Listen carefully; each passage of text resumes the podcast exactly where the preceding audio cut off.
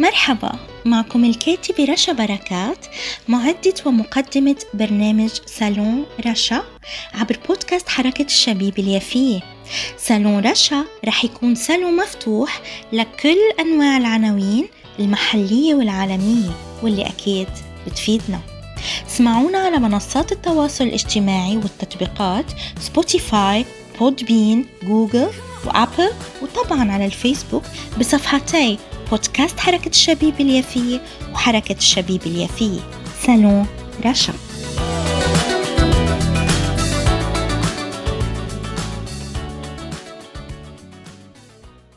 أهلا وسهلا بكم أعزائي محبي ومتابعي كل برامجنا عبر بودكاست حركة الشبيبة اليافية. آه، طبعا بصالوني اليوم صالون رشا حبيت أقرأ مقالة مهمة جدا برأيي آه لعرف عن فنانة فلسطينية نحاتة واسمها منى سعودي. ولكن المقالة اللي كتبها هو الأستاذ فيصل سلطان وبتلاقوها بمجلة الدراسات الفلسطينية. ربيع 2022 عدد رقم 130 آه، بعنوان التطبيع والعبودية. آه، عنوان المقالة هو رحيل النحاتة منى السعودي التجريد بين لغة الشرق وهندسة الروح. حأقرأ منها نبذة آه، بس فقط يعني للتعريف عن النحاتة منى السعودي الله يرحمها ونكرمها يعني عم حاول كرمها أنا بحلقتي وأعرف عنها ونكرمها بعد رحيلها. فسأبدأ القراءة. للأستاذ فيصل سلطان رحيل النحاتة منى السعودي التجريد بين لغة الشرق وهندسة الروح. خسرت الحياة الفنية العربية واحدة من كبار النحاتين الطليعيين.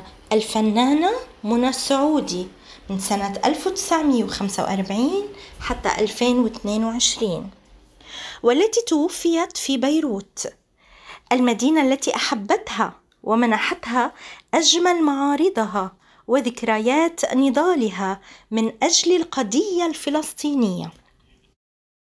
ارتبط فن منى السعودي بثلاث مدن عمان وبيروت وباريس واختارت النحت طريقة الحياة. مثلما تقول فلكي تكون نحاتا ينبغي أن تكون عاشقا للأرض وما عليها وأن تلمس نبضها الحي. ولذا أصبح الشكل في أعمالها بيت الحياة. كما تقول خالدة السعيد فهي لم تنحت الحجر وحده بل نحتت شكلها وأزياءها ونحتت بالأخص نهجها في الحياة. كانت أشكال المنحوتات المبعثرة في المدرج الروماني ملعبا لحكايات طفولتها.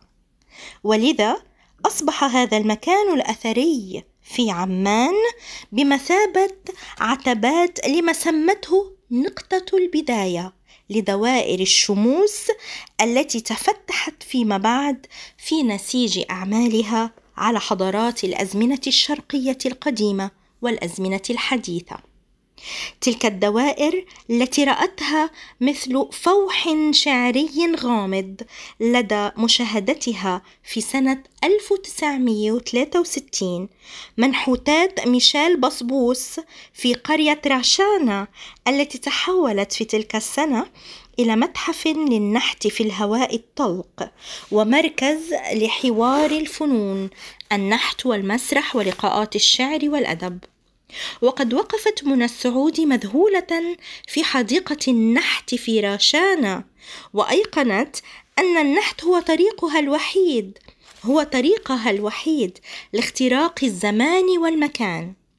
فراشانا مثلما كتب سمير الصايغ تعني في الأرامية أنا الرأس أعجبت أنا بنفسي أعجبت بتلك المعلومة من الأستاذ سمير الصايغ عندما قال أنها في الأرامية تعني أنا الرأس. راشانة من يعني كلمة راشانة في الأرامية تعني أنا الرأس. وعندما غزا الفن هذه القرية في مطلع الستينيات غير معنى الاسم الذي أعطته الجغرافيا وأصبح راشانا رأس النحت. وإذا كان لابد من التذوق والتأمل العميقين فإننا نقول أنا الرأس بمعنى أنا البداية.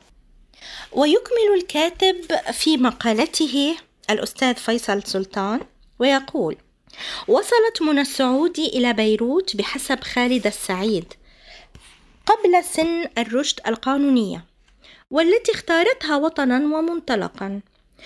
إذ كان لها حدس عليم بجغرافيا عواصم الإبداع وعواصم احتضان المبدعين.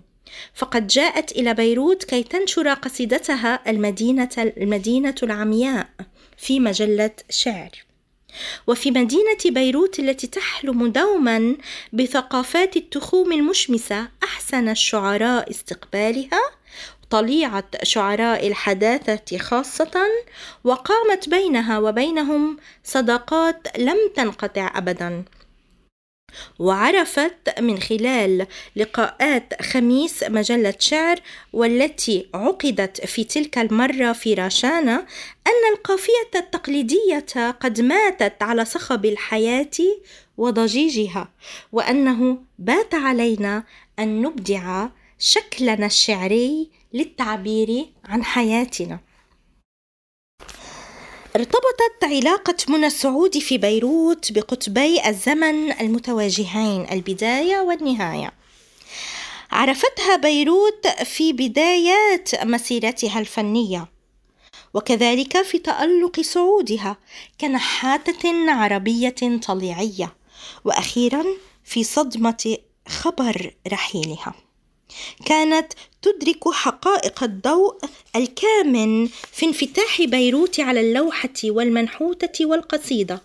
ولذا بقيت على تماس مع هذا السر الغامض الذي طبع سيرتها مع ذاكرة فنون بيروت وأقامت أول معرض لرسوماتها في مقهى الصحافة في مبنى جريدة النهار في شارع الحمراء بتشجيع من الفنان بول جاكوسيان واستطاعت من خلال بيع رسوماتها تأمين بطاقة السفر إلى باريس في سنة 1964 في باخرة انطلقت من بيروت وهناك اندمجت خلال دراستها من 1964 حتى 68 في محترف النحات كولا ماريني في المدرسة الوطنية العليا بتنويعات فنون مدرسة باريس وأجوائها التجريدية كما عايشت فصول أحداث الثورة الطلابية سنة 1968 وقدراتها على التغيير الذي أحدثته على الحياة في فرنسا. وسجلت سنة 1967 أول مشاركة لها في صالون أيار في متحف الفن الحديث. من خلال عمل نحتي بعنوان أمومة الأرض أنجزته من الرخام الأبيض من الرخام عفوا من الرخام الأبيض خلال زيارتها في صيف سنة 1967 لمعامل النحت في كرارة في إيطاليا. وحمل هذا العمل تداعيات أفلام الجرح العربي التي أحدثتها هزيمة 1967 ومنذ ذلك التاريخ اندمج نتاجها الفني في الرسم والنحت. وكذلك بأحلام الثورة الفلسطينية بتحرير الأرض. فالأرض على ما يقول محمود درويش تبدأ من نسيج الجرح. راحت منى السعودي خلال إقامتها في باريس ترسم وتنحت الصورة وتنحت الصورة الشعرية البصرية التي تجسد التحام الأرض بنسيج الجرح الفلسطيني. ومنذ ذلك التاريخ أيضا آمنت بعنف الفن وجرأته وقسوته من خلال مشاركتها في أحداث الثورة الطلابية التي رفعت إلى العالم أمثولة أن كل فن أصيل هو فن عنيف يقلب ويخترق يرهق ويتعب لأنه يقف في المواجهة. فاندمجت مع رفاقها في المدرسة الوطنية للفنون في إعلان لغة التمرد من خلال رسم ملصقات الإضرابات التي بدأت تعم شوارع باريس. وساهم المد الثوري الطلابي المتجدد في زيادة وعيها السياسي والثقافي الفني.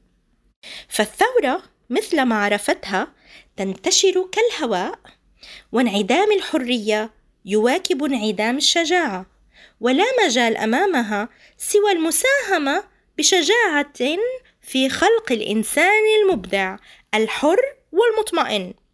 وفي تلك المرحلة كانت رسوم ومنحوتات منى السعودي تتمحور حول موضوعات الأرض والأمومة والولادة.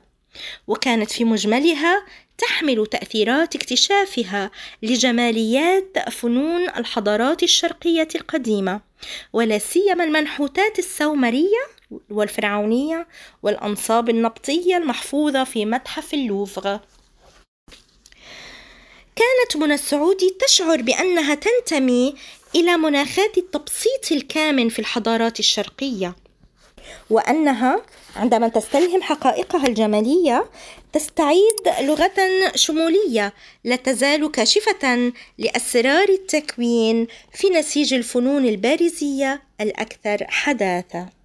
سطع اسم منى السعودي في فنون بيروت كنحاتة ورسامة أدبية وشعرية وزينت رسوماتها مجلة مواقف التي أصدرها أدونيس ما بين سنتي 1969 و 93 كميلاد جديد للحرية والإبداع والتغيير. وآمنت السعودي بأن الإنسان العربي الجديد بات في طريقه إلى الولادة وأن المناخات الثورية التي عرفتها بيروت في تلك المرحلة هي مدى الثورة المتجدد. ولذا أدت دورا كبيرا في مهمتها كمسؤولة لقسم الفنون التشكيلية في جهاز الإعلام الموحد التابع لمنظمة التحرير الفلسطينية. في تنظيم معارض معارض اتحاد التشكيليين الفلسطينيين فرع لبنان الذي قام بدور كبير في التعبير من خلال اللوحة والمنحوتة والملصق عن معاناة الشعب الفلسطيني. وتمكنت يعني من خلال صداقاتها لعدد كبير من الفنانين العرب والأجانب من تنظيم المعرض التشكيلي العالمي من أجل فلسطين. الذي أقيم في صالات سوسول. جامعة بيروت العربية في سنة 1978 والذي حمل شعار آه، كتبه الفنان الإيطالي إنيو كلابيرا أو كالابريا sorry إنيو كالابريا الذي يلد لا يموت هذا هو الشعار الذي قاله الذي يلد لا يموت. الشمس تشرق كل يوم. ها هم الفدائيون. وشارك في هذا المعرض أكثر من 190 فنانا وفنانة من طليعة الفنانين الأجانب. من فرنسا وإيطاليا بولندا اليابان إسبانيا تشيلي البيرو كوبا والدنمارك وفنزويلا. كذلك الأرجنتين الأوروغواي وألمانيا الغربية. رومانيا الاتحاد السوفيتي الولايات والولايات المتحدة الأمريكية. أما بالنسبة للفنانين العرب فمن لبنان ومصر والجزائر العراق سوريا المغرب الكويت واليمن الشمالي وفلسطين.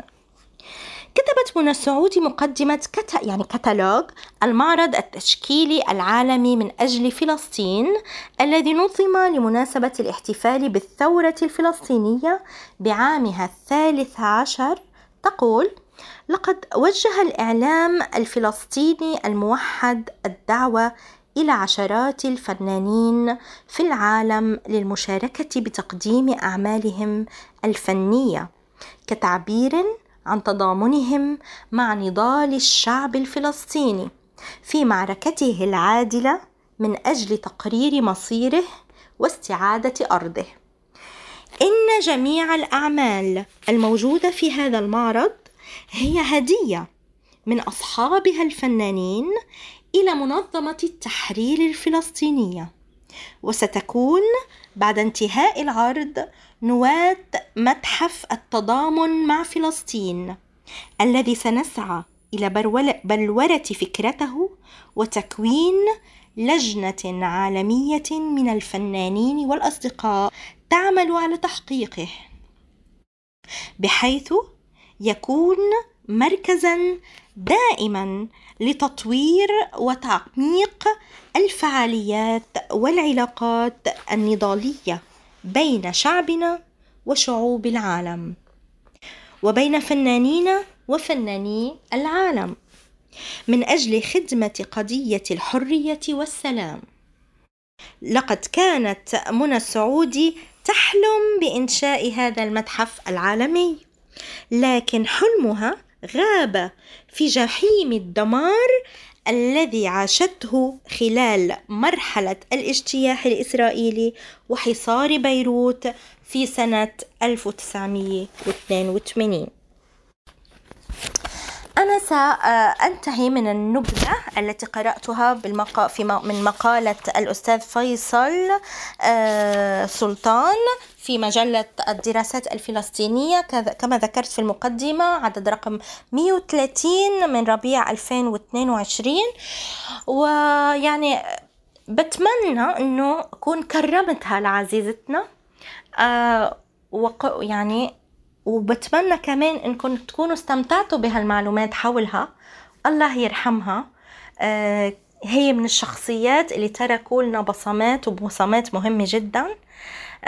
وبترحم على كل الشخصيات القديرة اللي مثلها آه شخصياتنا الفلسطينية الرائعة والرائدة من فنانين مبدعين علماء مثقفين إلى آخره اقتصاديين سياسيين من كله.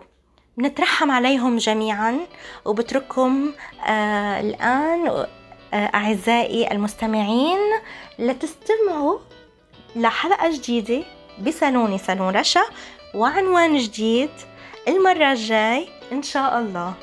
تقدروا طبعا تسمعونا وتسمعوا كل برامج بودكاست حركة الشبيبة اليافية عبر منصات التواصل الاجتماعي والتطبيقات مثل Spotify Google Podbean Apple وكذلك عبر فيسبوك وصفحتي حركة الشبيبة اليافية وبودكاست حركة الشبيبة اليافية. سنو رشا.